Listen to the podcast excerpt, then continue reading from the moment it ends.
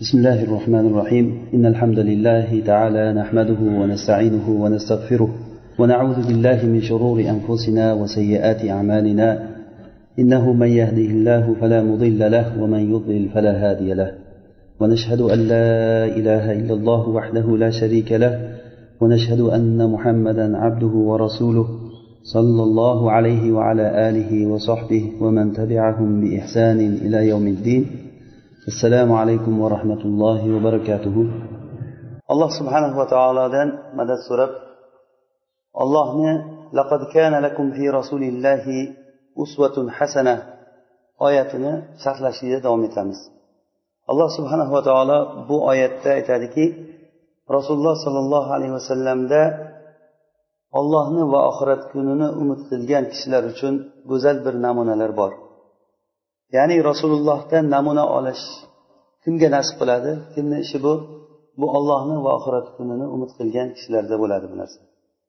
Biz mana shu haqda shu oyatga ba'zi bir e, sharhlar haqida gapirayotgan edik. Va bundagi asl narsa ollohni va oxirat kunini umid qilishlik uchun eng asl bo'lgan narsa biz o'tgan darslarimizda aytgan edikki ollohni tanishlik. Alloh subhanahu va taoloni fe'llarini tanishlik. Va bu haqda ollohni tanish uchun biz nima qilamiz? Alloh taoloni shu dunyoda qilayotgan ishlariga va oxiratda qiladigan ishlarini xabar bergan. Mana bu ishlar orqali biz alloh subhanava taoloni taniymiz. Ollohni zolimlarga qilgan sunnati qanday bo'lgan? Alloh taoloni mo'minlarga sunnati qanaqa bo'lgan? Mana bu ishlarni biz qanchalik darajada tanisak shunchalik darajada alloh taolodan umidimiz paydo bo'ladi. Inson qalbi shunday bir narsaki inson bir zaif yaratilgan xohlasin xohlamasin inson bir tomonga qarab intiladi. Inson faqir qilib yaratilgan asli faqir shuning uchun ham boyga intiladi. Inson zaif qilib yaratilgan shuning uchun ham bir quvvatga qarab inson intiladi.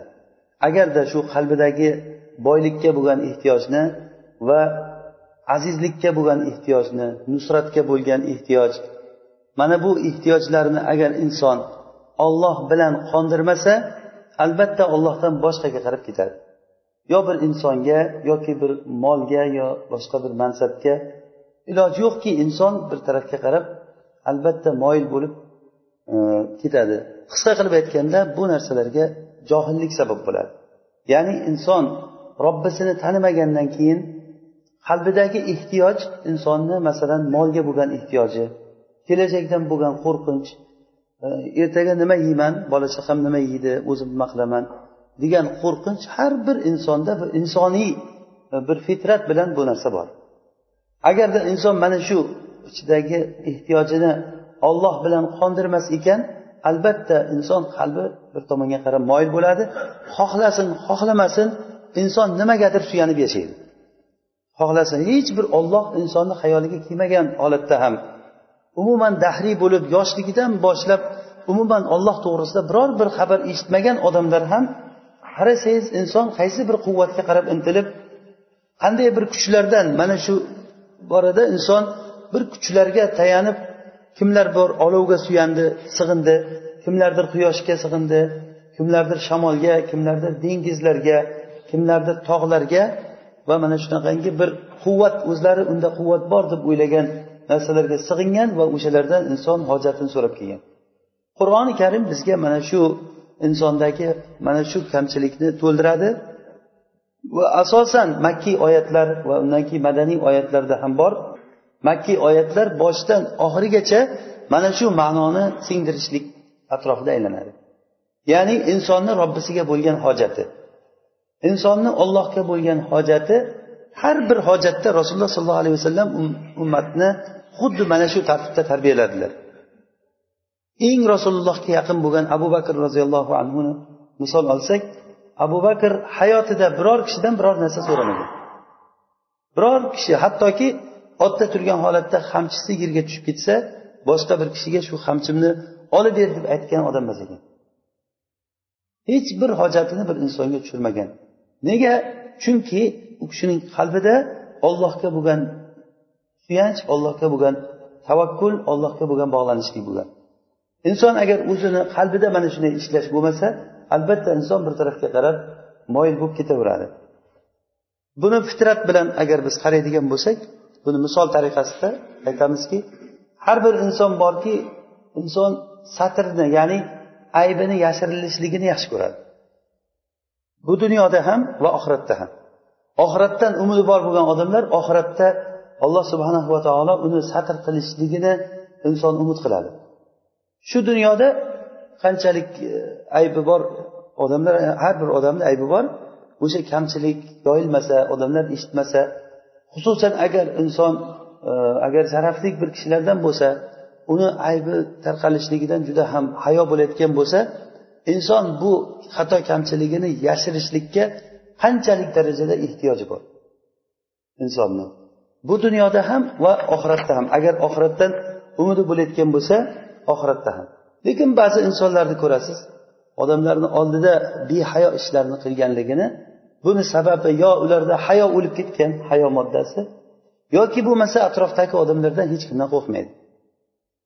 Mana shu ikkita sababdan yo hayoning yo'qolib ketganligi tamoman yoki atrofdagi kishilardan hech kimdan qo'rqmasligi. Mana shu sababdan bu hayo degan pardani inson yirtadi. O'sha uchun ham ba'zan ko'rasizki inson o'ta hurmat qilgan kishingiz bo'lsa yoki o'ta qo'rqqan kishisi bo'lsa o'shani oldida inson hayolik bo'lib boshqa bir o'zini tengdoshlari ichida uyalmagan holatida kattaroq bir jamoat ichiga tushganda hayolik bo'ladi. Kichkina jamoatni ichida gapirib yurgan odam juda katta jamoatni ichiga tushib qolgan paytda hayodan sir bosib qolib ba'zi bir gaplarni gapirolmay qolishligi bu hayodan bu hayo qanchalik darajada insonda kuchlik bo'ladi? Uni nimasi? Sababi kuchli bo'lishligini sababi kimdan hayo qilayotganligiga qarab bo'ladi. Demak agar insonni qalbida olloh qanchalik darajada tanish bo'lsa o'shanchalik darajada inson ollohdan hayo qiladi. Rasululloh sollallohu alayhi vasallam bani nima e, bir kishini e, yalang'och holatda yuvinayotganligini cho'milayotganligini ko'rdilarda minbarga chiqib aytdilarki alloh subhanahu va taolo hayolik satr qiluvchi zotdir degan. Innalloha hayyun sittir yuhibbu satr. Alloh taolo satrni yaxshi ko'radi. Agarda sizlardan kim agar yuvinadigan bo'lsa satr qilib yuvinsin yalang'och holatda yuvinmasin dedilar. Ya'ni ollohni hayolik ekanligini odamlarga tanitdi. Muso alayhissalom haqida mana sahih hadislarda keladi. Inna musa kana rojulan hayyiyan sittiron deb. Muso alayhissalom juda ham hayolik satrlik kishi edilar.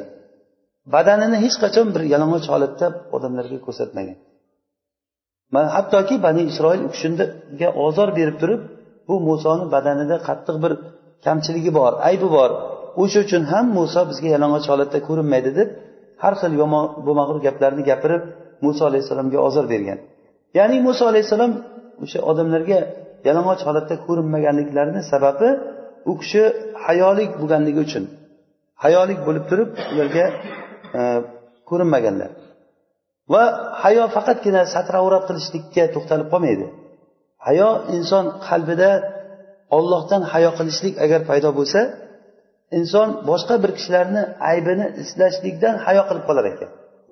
Inson hayosi masalan avratini ochib ko'chada boshqa odamlarga avratini ochib yurish yurmasligi mumkin.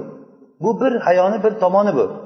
Yana boshqa tomondan inson agarda qalbida hayosi bo'lsa boshqa bir kishilarni aybini oqtarib boshqa bir kishilarni aybini ochib orqasidan josuslik qilib yurishlik bu kishining hayosiz ekanligidan kelib chiqar ekan. Rasululloh sollallohu alayhi vasallam al hayo minal iymon dedilar. Ya'ni hayo iymondan. Hayo iymondan dedilarda va buni muqobilida aytdilarki ey tili bilan iymon keltirdim deb qalbi iymon keltirmagan kishilar ya'ni qalbi iymon keltirmagan deb turib ba'zi bir odamlardan iymonini ulardan nafiy qilganlar ya'ni iymonsiz deb ismlaganlar.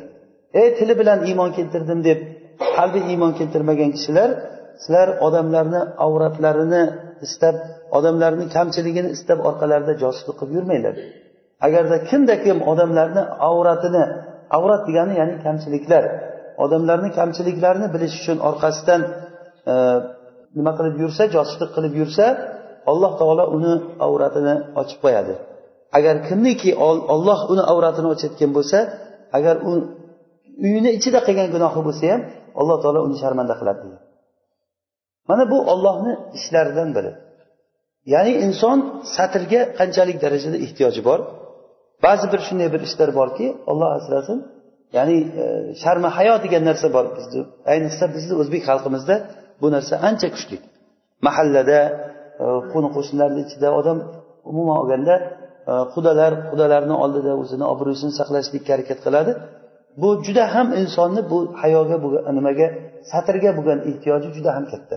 Hattoki uyingizga bir mehmon kelib qolgan paytda ham uydagi ba'zi bir kamchiliklarni shu mehmonga sezdirmaslikka odam harakat qiladi. Farzandlari agar bu ayblarni ochib ochib qo'ysa ham lekin odam harakat qiladiki shu aybim kamchiligim odamlarga bilinmasin degan narsada bu satr bu. Bu narsaga insonni ehtiyoji bor. Shu ehtiyojni inson biz aytmoqchi bo'lgan narsa shuki inson qalbidagi mana shu ehtiyojni inson olloh subhanava taolodan umid qiladiki shu aybni alloh taolo ochmasin. Masalan qur'onda alloh taolo bizga hikoya qilib beradiki ba'zi bir odamlarni ayblarini qiyomat kunida alloh taolo shunday to'sib hech bir kamchiliklariga qaramasdan hisob kitobni yengil yengil qilib turib o'tkazib yuborganligi keladi. Mana hadisda keladiki alloh subhanava taolo mo'min kishini qiyomat kunida o'ziga yaqinlashtiradi. Va uni muslim rivoyat qilgan hadisda e, o'ziga yaqinlashtirib aytar ekanki falon vaqtda qilgan gunohingni istaysanmi? Falon vaqtda falon gunoh qilgan eding falon vaqtda falon gunoh qilgan eding deb alloh taolo mo'minni o'zi bilan alohida yolg'iz qolib gaplashar ekan. Yolg'iz qolib o'sha muslim rivoyatida aytadiki yudnil mu'mina yudnal mu'minu min robbihi azza va jalla yawmal qiyama hatta yadaa alayhi kanafahu. Ya'ni yado alayhi kanafahuda buni sharhida keyinchalik sharhlaymiz bunda gap bor. Ya'ni ma'nosi shuki mo'min kishini alloh taologa juda ham yaqin qo'yiladi. Yaqin qo'yiladi hattoki alloh taolo unga o'zini satrini ustidan yopadi. Ya'ni hech kim ko'rmaydi. Hatto mo'min birodarlarni oldida ham hisob kitob qilmas ekan. Mo'min birodarlarni oldida ham hisob kitob qilmasdan alohida yolg'iz gaplashar ekan. Eslaysanmi falon vaqtdagi falon qilgan gunohingni deganda ha der ekan. Falon vaqtda falon gunoh qilgandim eslaysanmi deganda mo'min kishi ha der ekan. Shunda u aytar ekanki ey robbim bu gunohlarni men qildim deb endi tamom men halok bo'ldim. Hamma ayblarim ochildi deb turgan paytda alloh taolo aytar ekanki men dunyoda senga bu gunohlaringni satr qiluvdim oxirat kunida endi seni ochib sharmanda qilmayman deb o'sha gunoh olloh bilan bandani o'rtasida shunday qolib kechirilib ketadi deyilgan. Va buni muqobilida buni teskari tarafida kofir yoki munofiq kishini misoli keladi. Kofir yoki munofiq kishini butun haloyiqlar o'rtasida haloyiqlar o'rtasida nido qiladi. Ya'ni bu ham muslim rivoyatida kelgan. Shunda bihim ala ruusil butun haloyiqlar ichida ho anavilar falonchilar ollohni nomiga yolg'on gapirgan kazzoblar ular deb butun haloyiqlar ichida sharmanda qilinadi. Inson yer yoritsa yerga kirib ketsa. Mana bu holatni ko'rgan inson hattoki kofir qaniydi men tuproq bo'lib turib tuproqqa aylanib ketsam? Ya'ni boshqa mavjudotlar mana hayvonlarni tuproqqa aylanib ketganligini ko'rib men ham shu tuproqqa aylanib ketib yo'q bo'lib ketsam qaniydi deb inson sharmandagarchilikdan azobdan qo'rqqanligidan mana shunday havas qiladi. Lekin bu ularni faqatgina so'z bilan sharmanda qilishlik bilan kifoyalanib qolmasdan balki ularni fe'l bilan ham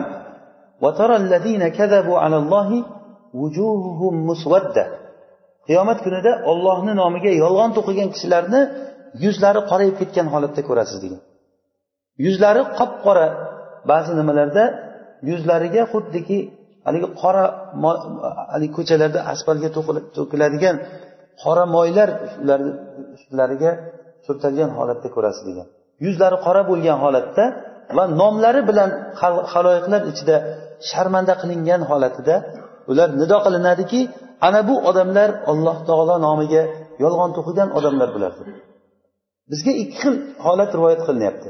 Bir musulmon kishini qilgan ishlarini alloh taolo kechirib hattoki uni hisob kitobini juda ham yengil qilib hatto mo'min birodarlarni oldida ham qilmasdan hisob kitobni alohida o'zi bilan yonma yon qo'yib turib alloh taolo eslaysanmi shu gunohingni eslaysanmi deb gunohlarni eslatib keyin men bularni seni hammasini dunyoda satr qilganman oxiratda ochmayman deb alloh taolo kechirib yuboradi. Mana bu narsaga bizni ehtiyojimiz qalbimizda bo'lgan ehtiyoj bu satrga bo'lgan.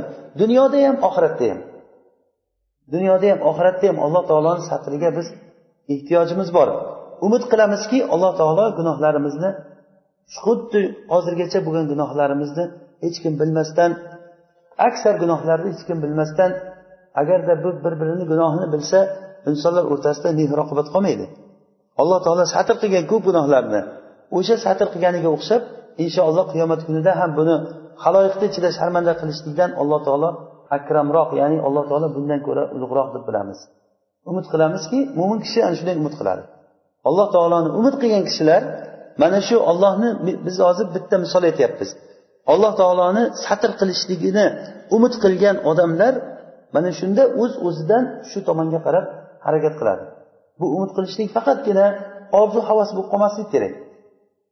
Sabablarni ushlash kerak. Satr qilishlik sabablarini ushlash kerak. Ya'ni qanday qilib turib satr qilishlik sabablarini ushlagan bo'ladiki alloh taolo bir odamni gunohini satr qilgan bo'lsa u odamni o'zi chiqib odamlarga aytsa. Rasululloh sollallohu alayhi vasallam aytadilarki meni ummatimni hammalari ofiyatda illo mujahirlar ya'ni illal mujahirun deganlar. Kullu ummati muafa illal mujahirun shunda mujahirlar kimlar?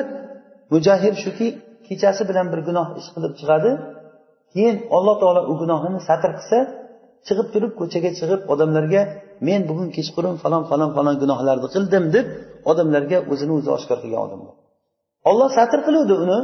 O'sha satr qilingan gunohni tashqariga chiqib turib boshqa odamlarga aytadiki men falon falon gunohlarni qiluvdim deydi. Va bu narsada bu o'z o'zi bilan ollohni hurumatlarini oyoq osti qilyapti bu. O'sha uchun ham fiqh kitoblarida gunoh masiyatni qilgan odam bilan maxfiy qilgan odam bilan uni jahriy qilgan odamni farqi bor deyiladi. O'zini o'zi osib o'lgan yoki aroq ichib o'lgan odamga janoza o'qilmasin deganligini sababi u iymonsizligi uchun emas u. Iymonsizligi uchun emas u gunohni jahriy qilganligi uchun. Gunohni jahriy qilgandan keyin unga uqubat ham odamlarga butun ovoza bo'lishligi uchun jahriy qilinadida bunga janoza o'qilmaydi bu odamga deb e'lon qilinib unga katta katta olim kishilar qozi muftiy e, sulton va boshqa bir sharafli kishilar ko'zga ko'ringan odamlar janoza o'qimaslik kerak odamga. Lekin boshqa bir odamlar unga janoza o'qib qo'yishligi kerak. O'zini o'zi osib o'lgan bo'lsa ham ya'ni bu e, munosabat uchun aytib ketyapmiz bu gapni bular iymonsiz bo'lmaydi o'zini o'zi osib o'lgan kishi ham aroq ichib o'lgan odam ham. Nima uchun ularga janoza o'qilmasin deyilgan sababi ular gunohni ma'siyatni jahriy qilganligi uchun. Ma'siyatni jahriy qilgan odam go'yoki u holat tili bilan o'zini tili bilan aytmasa ham lekin uni holati gapirib turadiki sizlar xohlagan ishlaringni mana qilaveringlar alloh taolo hech narsa qilolmaydi deganga o'xshaydi. Boshqa odamlarga ham xuddiki shu gunohni qilishlik bemalolday aroq ichib ko'chada dabdirab yurgan odamlar bu uyalmaydi bir hayo degan narsa yo'q. U gunohni uyida hech kimga ko'rsatmasdan aroq ichsa u boshqa gap ya'ni ichsa bo'ladi degani emas bu. Bu bilan uyida pinhona qilingan gunoh bilan ko'chaga chiqib turib butun haloyiqni oldida aroqlarni quyib bir biriga urishtirib mikrofonlardan gapirib ichinglar sizlar ham deb hamma joyga oshkoro qilib mana bu ma'siyatni oshkor qilishlik bu odamni alloh taolo o'zi satr qilsa inson o'zini o'zi qilgan ishlarini hamma odamlarga ochib tashlaydi. O'zini avratini ochib ko'chada yurgan ayollar butun erkaklar ichida qancha jamoatlar ichida o'zi ham gunohkor bo'lib boshqa odamlarni ham butun gunohkor bo'lishligiga sabab bo'lib yurgan ayollar ma'siyatni shunchalik darajada oshkor qilgan ollohdan qo'rqmaydi. Nima uchun? Chunki ollohni umid qilmaydi. Faqat tilida olloh degan narsa bor faqat islom degan narsa musulmonchilik degan narsa rasmiyatchilik bo'lib qolgan. Qalbida hech bir narsa yo'q. Agar qalbida bo'lsa albatta inson ollohdan umid qiladi va ollohdan qo'rqib ollohdan uyalib o'z uz o'zidan inson birdan risoladagidek kishi bo'lib qoladi o'zi eng aqlli kishi mana shu alloh subhanava taoloni satr qilishligini bilib mana shunga harakat qilgan odam bo'ladi oysha roziyallohu anhu rivoyat qiladilar bir kun rasululloh sollallohu alayhi vasallam doimo o'qilayotgan duolaridan اللهم إني أسألك العافية في الدنيا والآخرة اللهم إني أسألك العافية في ديني ودنياي ومالي allohimma sur avroti. Allohimma sur avroti. Mana shu joyi bizga kerak mahalli shohid. Ya'ni ey ollohim meni aybimni to'sgin deb duo qiladilar. Kim? Rasululloh sollallohu alayhi vasallam. Rasulullohni doim o'qib yurayotgan duolaridan bo'lgan allohimma sur avroti va amin ravati allohimma sur avroti va amin ravati al hadis ya'ni bu hadisni davomi bor. Duoni. Hozir mana shu joyini aytmoqchimizki rasululloh sollallohu alayhi vasallamdek kishi doimo qilib yuradigan duolari allohim mastur avroti deb ey ollohim meni kamchiligimni o'zing to'sgin kamchiliklarni o'zing yashirgin deb duo qilganlar. Demak haqiqiy aqlli kishi mana shunday bo'ladi. O'zini qilgan kamchiligini odamlarga oshkor qilib odamlarga u aybni aytgan odam bu gunoh kechirilishligi yana ham qiyinlashadi. Hozir muslim rivoyat qilgan hadisda aytganimizdek agarda bir kishi gunohi agar satr qilinib qolsa umid qilsa bo'ladi uni kechirilishligini inshaalloh. O'sha hadisda kelgandek alloh taolo uni o'zi yolg'iz gaplashgan paytda gunohlarni eslatib eslatib eslatib men buni kechirgan edim buni o'zim satr qilgan edim shu paytgacha to'sgan edim yashirgan edim endi buni hech kimga ochmayman deb alloh taolo kechirib yuboradi. Ammo agar bu gunohni oshkora qilgan bo'lsa bu narsa oshkora bo'lgandan keyin bu boshqacha bir hukmni oladi o'ziga. Odamlar har bir odam shu narsani davo qiladiki odam bor aqlli odam borki shu umid qiladi meni kamchiliklarim to'silsin deb dunyoda ham oxiratda ham. Lekin bu narsa uchun harakat qilish kerak sabablarni ushlash kerak. Inson ma'siyatni qilsa va yana qilsa va yana qilsa bu takror takror bo'lavergandan keyin bir payti kelib alloh taolo uni aloyiqlar o'rtasida sharmanda qilib qo'yishligi hech gap emas ekan. Umar ibn hattob roziyallohu anhu davrida bir o'g'rini olib kelinganda umar u kishidan o'g'ridan so'ragan ekan umar roziyallohu anhu qasam ichtirib so'ragan ekan nechi marta o'g'irlik qilgansan deb. Shu birinchisi degan ekan o'g'ri shu birinchisi deganda umar aytgan ekanki sen yolg'on gapiryapsan. Alloh taolo o'zini bandasini bir martada sharmanda qilmaydi degan sen o'g'irlik qilib qo'lga tushding bu birinchisi bo'lmaydi hech qachon degan. Ya'ni u kishi o'zini fahmi farosati bilan dinda olgan tushunchasi bilan aytganlari. Ya'ni bir marta qilgan gunoh bilan qo'lga tushib qo'li kesiladigan bo'lib amir mo'mininni oldiga olib kelinib sharmanda bo'lishligi bu bir marta qilgan gunoh bilan bo'lmaydi.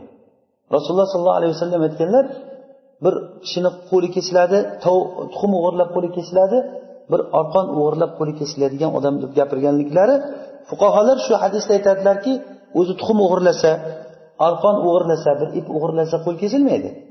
Lekin bu odam bugun tuxum o'g'irlasa ertaga tovuq o'g'irlaydi keyin keyin qo'y o'g'irlaydi. Asta asta keyin kattaroq bir narsani o'g'irlab qo'li kesilishlikka tayyor bo'lib turib qo'lga tushadi. Mana bu olloh subhanava taoloni sunnati shu ekanki gunohni bir marta qilgan odamni alloh taolo aksar ko'pincha holatda sharmanda qilmaydi. Ikki marta uch marta takror takror bo'lib turib bu gunoh juda ham takror bo'lib ketgandan keyin ba'zan alloh subhanava taolo bu odamni qaytarishlik uchun o'sha haloyiqlar ichida sharmanda qilib qo'yar ekan alloh asrasin. Bunga bizni hammamizni ehtiyojimiz bor. Bu satrga har bir aqlli odam borki bu narsaga odamni ehtiyoji bor. Xuddi mana shu ollohni fe'llaridan biri alloh taoloni qiladigan ishlaridan biri satr bo'layotgan bo'lsa satr boshqa sifatlarni ham xuddi shunga qiyoslab chiqaraveramiz hozir bu darsimizda maqsadimiz shu narsalarni aslini bayon qilishlik. Misollarni aytishligimiz shu aslni tushuntirishlik uchun misol aytamiz. Ya'ni olloh subhanahu va taoloni tanigan odam umid qiladi. Ollohni fe'llari orqali taniymiz. Shu fe'llardan biri satr qilishligi. Ollohni qanchalik darajada bandalarni satr qilganligi. Bu har bir odam o'ziga o'zi savol berib bilib olaveradi qancha gunohlaringiz bor? Alloh taolo satr qilgan. Ya'ni agarda odamlar bu bizdagi gunohlarni bilsa ichimizda qanchalar narsa kechayotganligini olloh asrasin agarda shu o'zi o'ylangda agar odamni qalbini hozir chiqarib turib shunday bir taroziga qo'yilsa qanchalik darajada unda iymon bor qanchalik darajada unda ixlos bor buni hisob kitobini alloh taolo biladi. Har birimizni qalbimizda qancha narsa kechayotganligini olloh biladi. Lekin insonlar buni faqat bizni zohirimizga qarab muomala qilamiz shunday turishimizga qarab turib agar kimni soqoli uzunroq bo'lsa kimni shakli sal chiroyliroq bo'lsa o'shanga qarab odamlar muomala qilib ketaveradi. Lekin ollohni huzuridagi hisob kitob bunday bo'lmaydi. Alloh taolo bizni suratimizga bizni jamolimizga shaklimizga qaramaydi. Alloh taolo bizni qalbimizga qaraydi. Hisob kitob qiyomat kunida mana shu qalbdagi narsa bilan bo'ladi. Buni hisobini hech kim qilolmaydi ollohdan boshqa. Va hisob kitob shu bilan bo'lgandan keyin qur'onda sunnatda kelgan tarbiyalar bizni mana shu mana shu holatdagi kamchiligimizni shu qalbdagi kasallikni kasalligini aytib keldi va buni davolash yo'llarini bizga bildirib keldi. Shulardan bir misol masalan satr. Ya'ni satr deganligimiz ayblarni to'sishlik kamchiliklarni yashirishlik. Bu narsaga bizni ehtiyojimiz bormi? Har bir aqlli odam bor buni ehtiyoji bor. Agar aql bo'lmasa bunga ehtiyoj bo'lmaydi. Masalan hayvonlar. Hayvonlar satr avratga ham hech aybni satr qilishlikka ularda hijolat bo'lish ayb bo'lish degan narsa yo'q hayvonlarda to'g'rimi? Nega? Chunki ularda aql yo'q. Insonda mana shu satrga bo'lgan ehtiyoj bor. Shu dunyoda ham oxiratda ham. Hatto kofir bo'lgan odamlar ham ayblarini odamlar o'rtasida tarqalmasligini ular qanchalik darajada xohlaydi? Oxiratda umid yo'q odamlar. Ammo oxiratda umid qilgan odamlar shu dunyoda ham oxiratda ham ayblarimizni odamlar ko'rib qolmasin haloyiqni ichida bizni sharmanda qilmagin deb vala tuhzini yawma yubasun. Ibrohim alayhissalomni duolaridan qiyomat kunida meni sharmanda qilmagin degan alloh taolodan so'raymizki alloh taolo o'zi sharmanda qilmasin. Gunohlarimiz qanchalik ko'pki xuddiki shoir aytganday ahsanallohu bina innal xatoya la nima? Ya'ni alloh taolo bizga shunday yaxshilik qildiki xatolar ko'rinmaydi. Agar bizni ichimizdagi yashirib qo'ygan narsalarimiz bo'lsa u shunday agar hidi chiqqanda edi butun dunyoni hidi bosib sasib ketar edi. Lekin ollohni marhamati bilan bu narsa satr qilindi. Bu o'zimizni ichimizda har bir odam o'zini o'zi hisob kitob qilayotgan narsa bu. Buni faqat bilamiz va shuni bilgandan keyin alloh taoloni yaxshi ko'rishga o'tamiz. Shuni bilgandan keyin ollohdan umid qilishga o'tamizki alloh taolo gunohlarimizni satr qilganiga o'xshab kechirsin bu narsalarni deb ollohga umid qilishlikka inson o'tadi.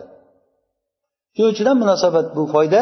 Agarda kimki bir gunoh ish qilgan bo'lsa o'zi bilan ollohni o'rtasida sir bo'lib qolsin shu narsa boshqa yoqqa buni aytmaslik kerak. Agar aytadigan bo'lsa gunohlar ochiladigan bo'lsa bu narsani kechirishligi ancha muammoli bo'ladi. Ya'ni alloh taologa hech narsa muammo emas o'zi. Lekin ollohni sunnatidan biz bilgan narsa shuki xuddi muslimni rivoyatida kelgandek agarda gunoh satr qilingan bo'lsa alloh taolo kechirib yuborishligi kelgan. Mana shu narsa uchun gunohlarni satr qilishlikka bo'lgan ehtiyojimiz bormi? Alloh taolodan umid qilamiz shuni. Boshqa narsalarni ham xuddi shunga qarab qiyoslayveramiz shulardan biri masalan ollohni rozichiligi. Ollohni rozichiligiga buni umid qilamizmi? Hammamizni qalbimizda shu narsa allohga bo'lgan iymon oxiratga bo'lgan iymoni bor odamlarni qalbida ollohni rozichiligiga bo'lgan ehtiyoj bor. Biz alloh taolodan umid qilamizki olloh bizdan rozi bo'lishligini. Olloh rozi bo'lsa bo'ldi boshqa narsa kerak emas. Ollohni rozichiligi eng katta narsa.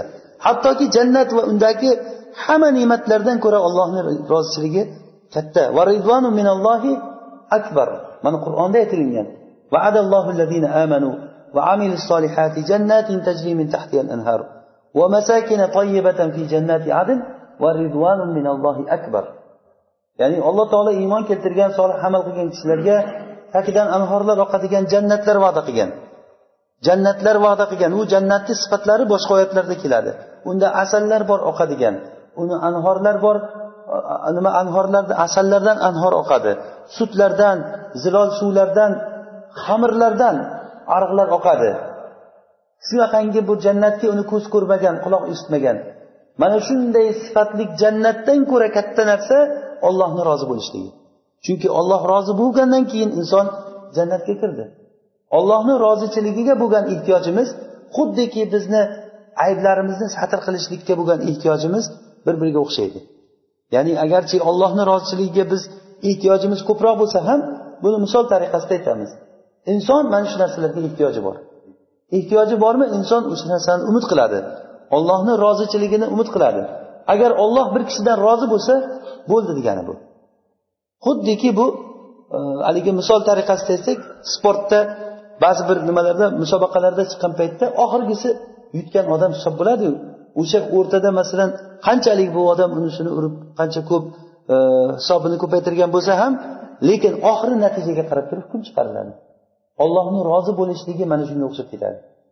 Xuddiki haligi e, hadisda aytib berganidek abdulloh zulbijadayn bu kishi makkada islomga kelgan rasululloh sollallohu alayhi vasallam madinada paytlarida islomga kelgan. O'zi yoshligidan yetim qolib amakisini qo'lida katta bo'lgan. Keyin islomga kelgandan keyin rasulullohni oldiga hijrat qilib ketaman desa amakisi bunga qarshilik qilgan ketmaysan degan. Bu kishi yo'q ketaman hijrat qilaman deganda bo'lmasa sen men sababli boyigan eding hamma narsangni tashlaysan keyin ketasan degan. Bo'ldi mayli tashlab ketaman degani hamma narsasini olib hatto ustidagi kiyimigacha yechib olgan. Yalang'och qolgan. Shunday yalang'och holatda uyiga borganda onasi ko'rib bir katta lattani otib yuborganda lattani ikkiga bo'lib yarmini pastiga yarmini tepasiga o'rab olgan. Shu holatda hijrat qilib rasulullohni oldiga chiqib ketgan. Makkadan madinaga borgan borgan paytda rasululloh sollallohu alayhi vasallam e, rum bilan jihod qilishlik uchun E, nimaga tabuk g'azotiga chiqib ketayotgan holatlarida borib qolgan ekan. Rasulullohga bayat qilib rasululloh bilan ko'rishgandan shu bilan to'g'ri u kishi ham chiqib ketgan. Hali ketish paytida yo'lda u kishi kasal bo'lib qolgan dunyodan o'tgan.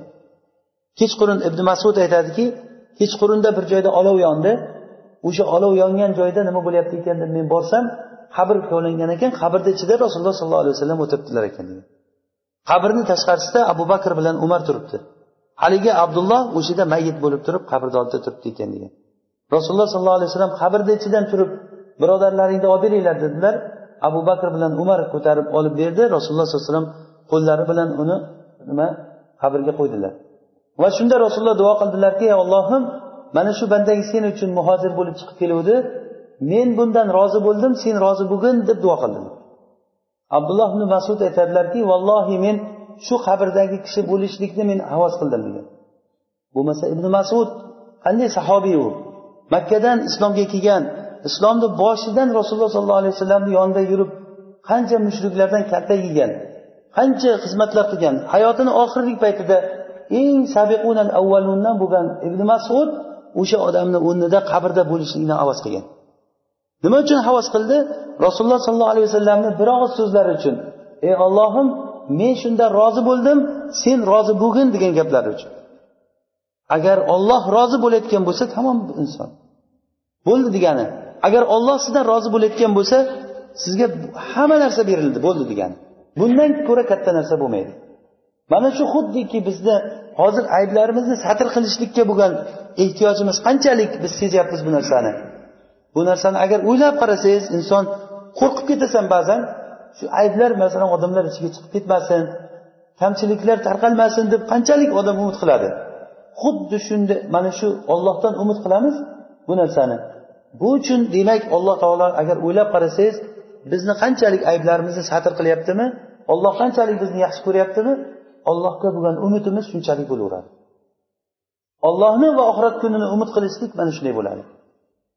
Xuddi shunga rizo ya'ni ollohni rozi bo'lishligiga bo'lgan ehtiyojimiz. O'sha narsani mana shu holatga qiyoslab chiqarsak xuddi shu aytgan narsamiz bo'ladi. Oysha roziyallohu anhu rivoyat qilib aytadilar bir kuni rasululloh sollallohu alayhi vasallamni men topmay qoldim. U kishi keyin izladim kechqurun degan. Rasulullohni izlasam rasululloh sajdaga bosh qo'ygan holatda sajdada yig'lab duo qilayotganliklari holatida topdim. Oyoqlarini ushladim degan. Rasulullohni oyoqlari e, ikkala oyog'i bir biriga tekkan holatda nima namozda sajdada turadiyu tikka bo'lib. O'shanday oyoqlari sajdada bo'lgan holatda ikkita oyog'iga qo'lim tushdi degan. Shunda rasululloh sollallohu alayhi vasallam duo qilyaptilar ekanki allohimma inni auzu bi ridoka min sahotik va bi muafatika min uqubatik. Allohimma auzu bika minka la uhsi sanaan alayka anta kama athnayta ala nafsik. Mana shunday ey ollohim men seni roziliging bilan panoh tilayman seni g'azabingdan. Rasulullohni qiladigan duolari bu. Sajdada odamlar uxlab yotgan paytda sajdaga bosh qo'yib turib qiladigan duolar. Bu biz qancha kechalarni o'tkazamiz qancha umrlar o'tib ketadi lekin olloh kechirsin johilligimiz uchun mana shu duolarni bilmaymiz eshitmaganmiz ham. Hammamiz emas bu narsani albatta. Aksar kishilar bu narsani eshitmagan bilmaydi. Hech bir umrida inson duo qiladimiki allohimma inni auzu biridaka min sahotik deb ey ollohim seni rozichiliging bilan g'azabingdan men panoh tilayman deb. Ollohni rozichiligi bilan g'azabidan. Ya'ni olloh subhanava taolo o'zi agar rozi bo'lmasa ollohni g'azabidan hech narsa qutqarib qololmaydi insonni va auzu bi muafatika min uqubatik. Seni ofiyatda saqlashliging bilan seni uqubatingdan panoh tilayman. Va auzu bika minka. Va sen bilan o'zingdan panoh tilayman. Ya'ni sen o'zingdan agar o'zing panoh bermasang hech qanday panoh yo'q degan. La uhsi sanaan alayk. Men senga maqtov aytishlikni hisob kitob qilolmayman sen o'zing qanday maqtov aytgan bo'lsang o'zingga mana shundaysan deb yig'lab duo qilib turgan holatlarda oysha onamiz rasulullohni oyoqlarini ushlasam rasululloh sajdada mana shunday duo qilib turibdilar ekan degan mana bu banda mana bu kishi robbisiga eng yaqin odam bo'ladi. Odamlar uxlab yotgan paytda hamma odam uxlab yotibdi qorong'u kechada sajdaga qo'ygan holatda boshlarini allohimma inni auzu biridoka min sahotik deb duo qilishlik. Ey ollohim men seni rozichiliging bilan g'azabingdan panoh tilayman. Bu bizga katta bir ta'lim bu narsa. Bu uchun biz ollohni rozi bo'lishligini ahamiyatini bilishimiz kerak avval. olloh rozi bo'lishligini ahamiyati shunday narsaki agar olloh rozi bo'lsa shu dunyoda ham sizga hech narsa qilmaydi oxiratda azobdan qutulib qolasiz. Buni misoli sahobalarni misolida qur'onda alloh taolo aytadiki allazina qala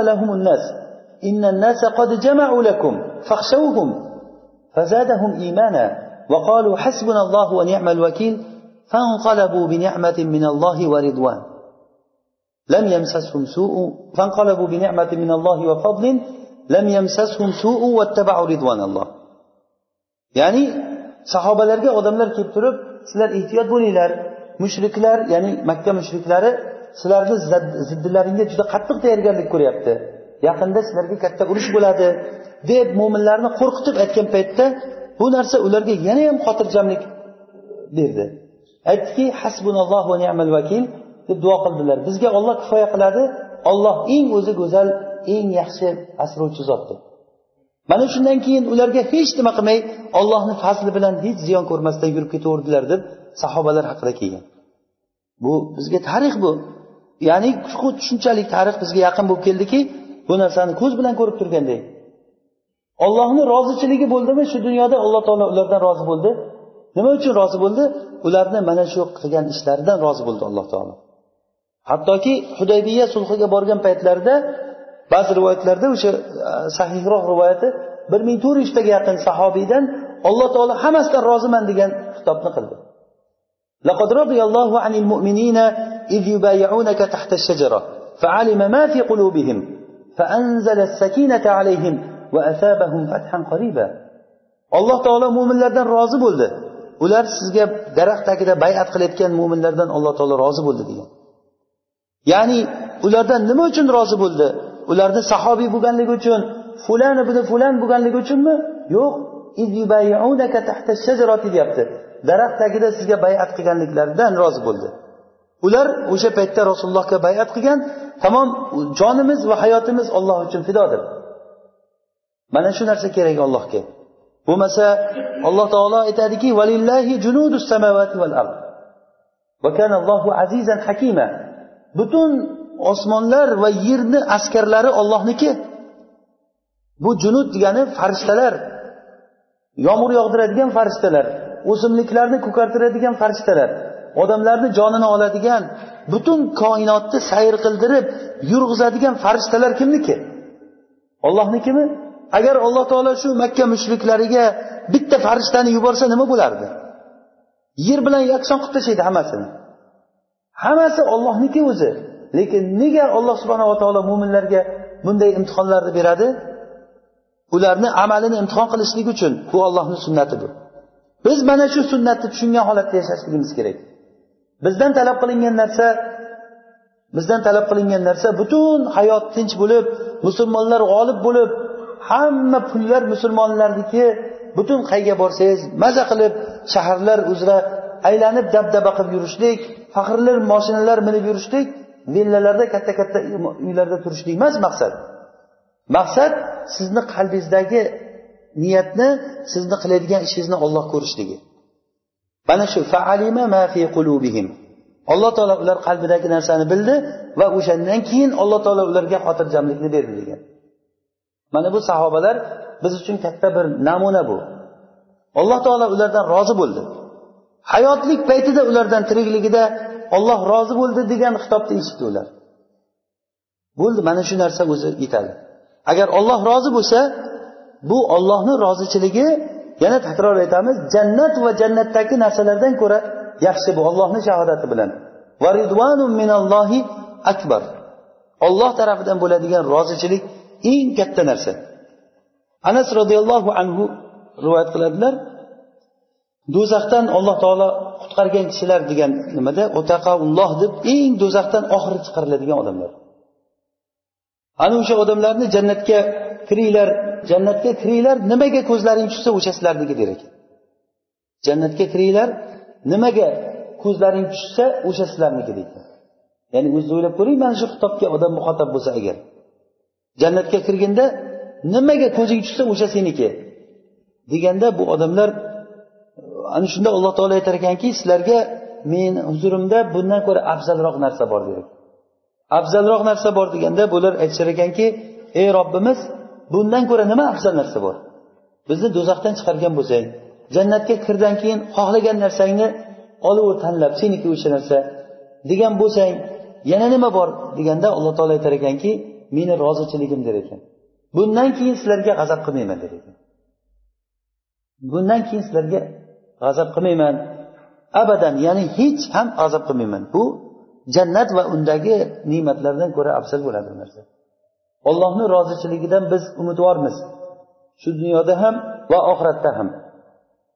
Mug'irat ibn shoba roziyallohu anhu rivoyat qilgan hadisda rasululloh sollallohu alayhi vasallam aytadilar muso alayhissalomdan rivoyat qilib muso alayhissalom allohga aytgan ekanki ey rob eng jannat eh, ahlini eng pasti kim degan ekan?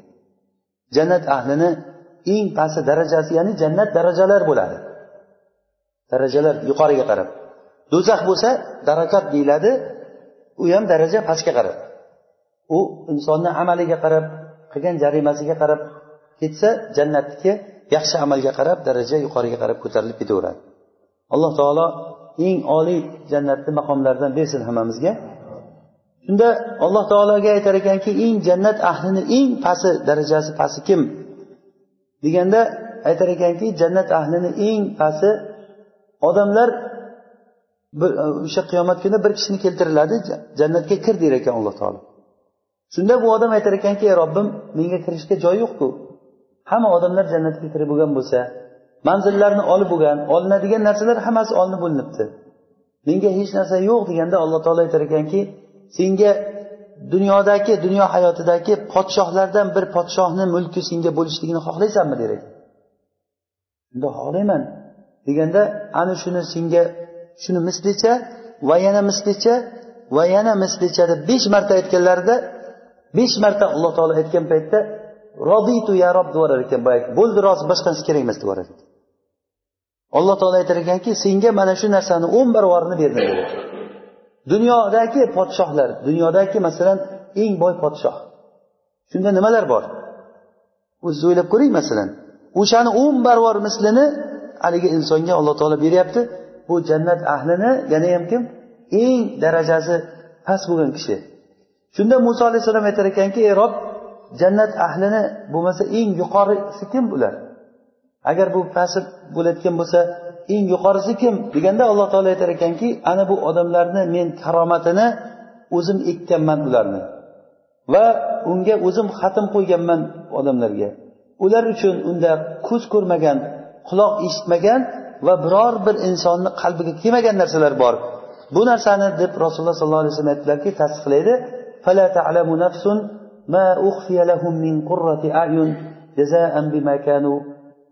nima? Ya'ni biror bir nafs unga yashirilib qo'yilgan xursandchiliklarni bilmaydi. Ularga jazo qilib turib yashirilib qo'yilgan narsalar bilmaydi. Ya'ni odamlar uchun shunchalik bir mukofotlar ba'zi bir kishilar uchun yashirib qo'yilganki buni hech kim bilmaydi.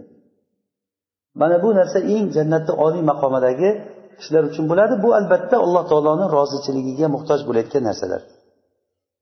Demak mana bu narsa ollohni roziligiga bo'lgan bizni ehtiyojimizni hozir bilganimizdan keyin bu narsa uchun sabablarni ushlash kerak. Sabablarni ushlashning muhim joyi shu bizni darsdan oladigan foydamiz shu bo'ladi. Ya'ni agarda sabablarni ushlamasa bu faqatgina orzu bo'lib qoladi narsa. O'zi roja degani o'tgan darslarimizda ham aytgandik nima edi roja? Ha? Roja degani suvni yaqasiga borish degani. Ya'ni roja degani suv masalan mana bu yerda suv oqayotgan bo'lsa shu suv istagan odam nima qiladi? Suv istagan odam qo'liga chelakni olib suvni yaqiniga boradi. Anshurroja roja degani. Bu nimaniki umid qilsa o'shani yaqiniga borish kerak. Suvni umid qilgan odam suvni yaqiniga boradimi hovuzga? O'shanday rozichilikni istagan odam ollohni rozichiligini istagan odam ho devorni nariyog'ida turib turib menga suv kerak edida deb turib cho'lda turib turib qo'lini cho'zib menga suv kerak deb o'tirsa bor ana yerda anhorda suv oqyapti borgin desa yo'q shu yerda tursam suv kelib qolsa edi desa masalan buni odamlar aqlli demaydi. Xuddi shuni boshqa narsaga qiyoslavering umid qilish qildimi? U umid qilingan odam albatta u roja degan narsani olishlik uchun bu o'sha oldiga borish kerak shuni. Hozir rozichilikni biz umid qilayotgan bo'lsak rozichilikni sabablarini ushlashligimiz kerak. Bu sabablari nima? Nima qilsak savol? Nima qilsak alloh subhanava taolo bizdan rozi bo'ladi? Nima qilsak rozi bo'ladi sahobalardan nima qilib rozi bo'ldi? O'sha bir ming to'rt yuzta sahobiydan alloh taolo qanday rozi bo'ldi? Buning uchun hozir men e, bir hadis o'qib beraman inshaalloh. Rasululloh sollallohu alayhi vasallam aytadilarki ma min muslimin av insanin av abdin. Bu roviyni shak qilib aytgan narsasi. Ya'ni biror bir musulmon kishi yoki biror bir e, inson yoki biror bir banda nima bo'lganda ham kim bo'lsa ham ertalab bo'lganda yoki kechqurun bo'lganda رضيت بالله ربا وبالإسلام دينا وبمحمد صلى الله عليه وسلم نبيا. Alayhi vasallam desa olloh subhanahu va taolo qiyomat kuni uni rozi qilishligi ollohga haqli bo'lib qolar ekan. Ertayu kech buni aytsa juda ham oson narsa bu. Ya'ni ertalabda va kechqurunda roditu billahi robban va bil islami dinan va bi muhammadin sollallohu alayhi vasallama nabiyya. Desa agar ollohga haqli bo'ladiki qiyomat kuni u odamni rozi qilishligi. Olloh uni rozi qiladi. Ollohni rozi qilishligi degani unga beradi degani so'ragan narsasini beradimi? Inson so'ragan narsasini inson agar so'ragan narsasini bersa bu emas alloh taolo insonni xayoliga kelmagan narsalarni beradi. Xuddiki yuqorida o'qigan hadisimizdek u insonni hech xayoliga kelganmidi shu jannatda shuncha narsani olaman? Senga robbing hali beradi qiyomat kunida sen rozi bo'lasan o'sha bergan paytda. Bu paytda insonga xayolingizga kelmaydi u narsalarni olishlik. Chunki inson bilmaydi edi nima borligini. Ey robbim mana shu narsani bergin bu narsani bergin alloh taolo unga so'ragin so'ragin so'ragin deyaversa oxiri so'rashdan to'xtab qolar ekan banda. Bo'ldi men shuni bersang bo'ldi boshqa bilmayman. Man buni so'radi ekan alloh taolo keyin. Ha shuni bergin desam endi mana buni so'ra der ekan o'zi. Ana shu narsalarni aytgandan keyin inson rozi bo'lmaydimi? Roditu ya rob deganini bilmaydi odam o'shanda. Ey robbim men roziman deb yuboradi odam. Demak alloh taoloniga alloh taolo sizni mana shu insonni rozi qilishlikni eng katta eshiklaridan biri mana shu uchta eshik. Buni birinchisi roditu billahi robban. Endi buni faqat til bilan aytib qo'yishlik emas bu. Roditu billahi robbanni ma'nosi nima degani? Men ollohni robbi deb rozi bo'ldim degani robbi o'zi nima degani? Robbi degani robda uchta ma'no bor. Birinchisi shariat tuzib beruvchi ikkinchisi taqdir qiluvchi uchinchisi jazo beruvchi degan ma'nolar bor. Robda uchta ma'no eng katta ma'nolarda. Nimalar ekan? Shariat tuzib beruvchi va taqdir qiluvchi va jazo beruvchi. Men ollohni mana shu uchta o'ringa qo'yib tan oldim degani bu. Shariat tuzib beruvchi deb tan oldim. Shariatni meni yuradigan yo'limni qiladigan ishimni shu olloh menga chizib beradi shuni qilaman degani. Va menga bo'ladigan butun ishlarim hammasi taqdiri yuqoridan keladi shu men shunga roziman degan va jazoni shu beradi shu zot beradi degan agar bu rob ma'nosini agar biz yaxshilab tushunsak odamlarni qaysisi endi shariatga rozi bo'lyapti? Ko'chada yurgan dinsiz shuyuiy odamlarni gapirmaymiz biz. Masjidda boshini sajdaga qo'yib namoz o'qib bir necha yildan beri namoz o'qigan bir necha marta haj qilgan odamlardan shariatni talab qilamiz biz. Shariatga o'zini qalbida rozi bo'lgan paytda qalbida mos kelib qolsa shariat rozi bo'lib o'rgilay bu shariatdan aylanay deb amal qilib ketaveradi. Juda yaxshida deb islom dinimiz deb agar shariat uni havoyi nafsiga to'g'ri kelmay qolsa hech kimga aytmasdan indamay shunday aylanib o'tib ketaveradi. Voy bu ollohni rozichiligi turibdi bu yerda. Shariat turibdi bu yerda desa indamasdan qilib ketaveradi. Xuddi shu odamlarga o'xshaganlar haqida qur'onda aytadiki sizlar ba'zi kitobni ba'zisiga iymon keltirib ba'zi joyiga kofir bo'lasizlarmi?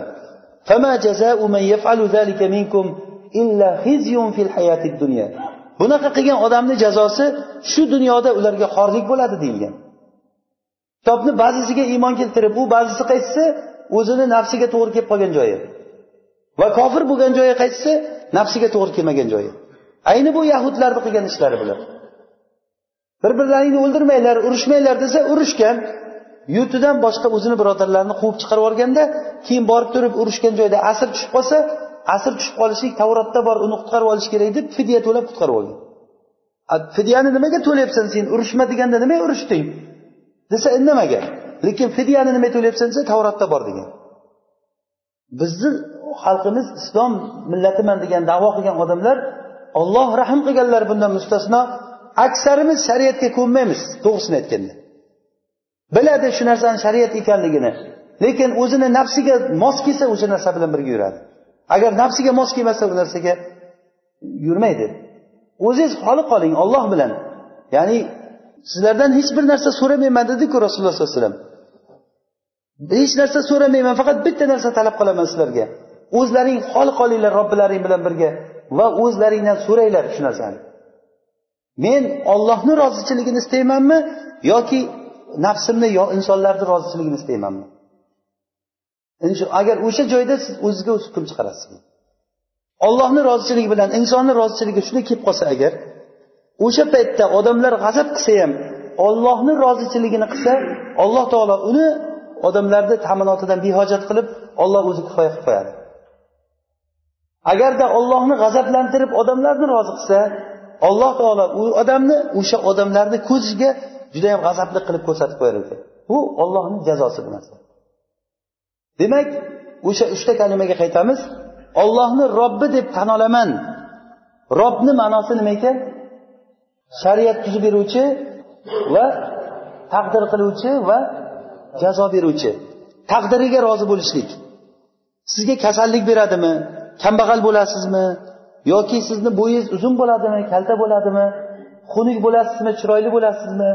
Farzandni o'g'il beradimi? Qiz beradimi? Yoki farzandni umuman bermaydimi? Ollohni qadari bu. Ollohni qadariga rozi bo'lmagan odam ollohni robbi deb tan olgan odam emas u.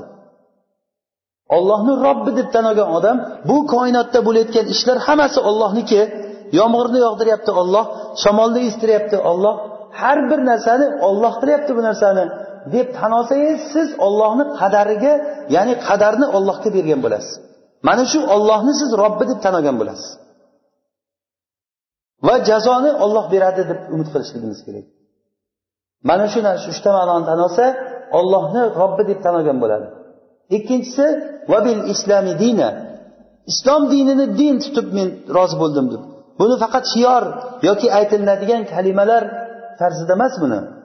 Ya'ni buni ma'no bilan tan olishlik kerak. Islomni din tutib men islom dini degani mana shu qur'ondagi narsa rasululloh sollallohu alayhi vasallam keltirgan kitobi sunna islom deyiladi. Mana shu kitobi sunnani men o'zimga hayotimga shu yo'l qildim deb tan olish kerak odam.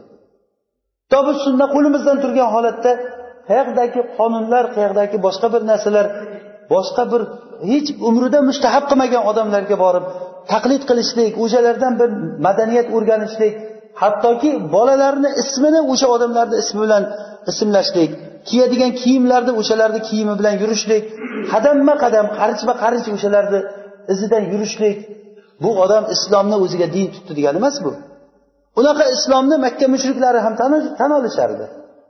ular rasulullohga kelib aytgan bo'ldi biz rozimiz bir yil bizni olihamizga ibodat qil sen bir yil biz senikiga ibodat qilamiz kelishdik degan shunda oyat nozil bo'ldi qul ya ayyuhal kafirun la a'budu ma ta'budun ولا أنتم عابدون ما أعبد ولا أنا عابد ما عبدتم lakum dinukum valiyadin ya'ni ey kofirlar sizlar hech qachon men sizlar ibodat qilgan narsaga ibodat qilmayman sizlar ham men aytgan narsaga ibodat qilolmaysizlar bu sizlarniki quruq davo bu aytgan gaplaring.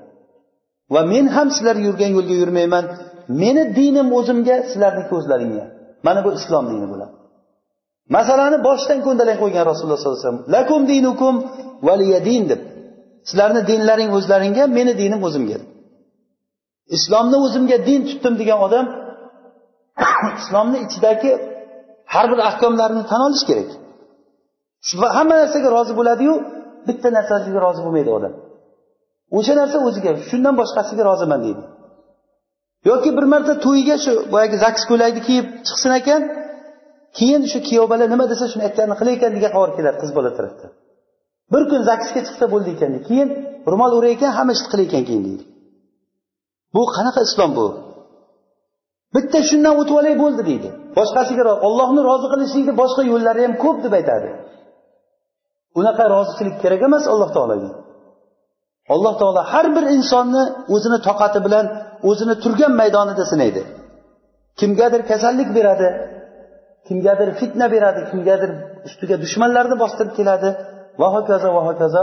Har bir insonni o'ziga yarasha imtihoni bor. O'sha imtihon paytida allohni rozichiligini istamasa odam xayoliga ham keltirmasa bilsa shu shariat ekanligini va bilib turib o'sha narsadan aylanib o'tib ketdimi bu odam ehtiyot bo'lsin bu odamga dunyo hayotida xorlik bo'lishligidan فما جزاء من يفعل ذلك منكم إلا خزي في الحياة الدنيا ويوم القيامة يردون إلى أشد العذاب olloh asrasin bu narsalar qattiq vaidlar bular bu haslakam narsa emas bu demak biz tan oldikmi alloh taoloni o'zimizga robbi deb tan olsak islomni o'zimizga din deb tan olsak va muhammad sollallohu alayhi vasallamni nabiy deb tan olsak rasulullohni nabiy deb tan olgan odam u kishini faqatgina shunday xuddiki sizni nomingizni bir bir joyga tasjil qilib yozib qo'yganga o'xshash narsa emas bu. Rasulullohni nabiy degan odam bu deganiki qadamma qadam qarishma qarich shu kishini orqasida yuraman degani. Shu kishini do'stlari menga do'st shu kishini dushmanlari menga dushman degani. Mana shu odamni dini menga din shu odamni yo'li menga yo'l deb shunday va'da berdikmi hammamiz. Agar va'da bergan bo'lsak nimaga bu kishini biz himoya qilmaymiz? Rasulullohni masxara qilib turib rasmlarini chiqardi. O'sha chiqargan davlatni mahsulotini haligacha musulmon davlatlari sotib olyapti. Agar o'shalar chiqargan mahsulotni to'xtatganda o'sha bir yilda ularni iqtisodi o'tirardi. Rasulullohni masxara qilib chiqdi. U kishini xotinbozlikda ayblab chiqdi. Har xil juda ham bir hayosiz suratlar bilan suratlarni chizib chiqdi. Lekin din dushmanlari hozirgi hozirgi kunchalik rasulullohni bunchalik oyoq osti qilinmagan edi. Chunki musulmonlarni ozroq bo'lsa ham joni bor edi bir paytlar birorta bir musulmon yo'qki o'sha qilgan odamlarni borib turib o'shandan o'ch oladigan rasululloh uchun o'ch oladigan odam yo'q. Eshitib achinib achinib ketaveradi. Achinsa agar o'shani ham. O'sha ham o'n besh kun yo yigirma kunga yetib boradi. O'shandan keyin yana esdan chiqib ketaveradi. Qani biz rasulullohni nabiy deb tan olganligimiz? Rasulullohni nabiy deb tan olishlikni ma'nosi rasululloh sollallohu alayhi vasallamni yaxshi ko'rishlik bilan bo'ladi. Agar rasulullohni yaxshi ko'rayotgan bo'lsak bu narsa biz uchun boshqacha bir hayotni beradi bizga. Ayni bu biz hozir sharhlaydigan oyatni ma'nosi shu. Laqad kana lakum fi rasulillahi uswatun hasana. Rasulullohda sizlar uchun katta bir namuna bor. Lekin u namuna kimga? Liman kana yarjulloha val yawmal akhir. Ollohni va oxirat kunini umid qilgan odamlar uchun. Biz bu aytgan gaplarimiz ollohni va oxirat kunini umid qilgan odamlar uchun foyda beradi. Bo'lmasa gap bu quloqdan kirib bu quloqdan chiqib ketaveradi. Ollohni rob deb tan olishlik va muhammad sallallohu alayhi vasallamni va islomni din deb tan olishlik muhammad sallallohu alayhi vasallamni nabiy deb tan olishlik kimki mana shuni ertalab va kechqurun aytsa ya'ni bu degani hayoti mana shundan iborat bo'lsa alloh taologa haqli bo'ladiki bu odamni qiyomat kuni rozi qilishligi. Inshaalloh bu kelgusi darsda yana bir ba'zi bir narsalar kamchiliklarimiz qoldi vaqtimiz ancha cho'zilib qoldi davom ettiramiz. Va suhbatimiz oxirida bir e, nimani aytamizki agarda shu rozichilikni umid odamda paydo bo'lsa olloh mendan rozi bo'ladi degan narsa insonda paydo bo'layotgan bo'lsa qalbda insonga o'lim hattoki unga qayg'u g'am bo'lmay qolar ekan. Buni misoli bilol roziyallohu anhu vafot etishlikda to'shakda yotgan paytda qizlari yig'lagan ekan. Otasini o'lishligiga yig'lagan paytda aytgan ekanki qiziga sen nimaga yig'layapsan? degan ekan. Men ertaga degan ekan g'odan nalqal ahibba muhammadan va sohbah degan ekan.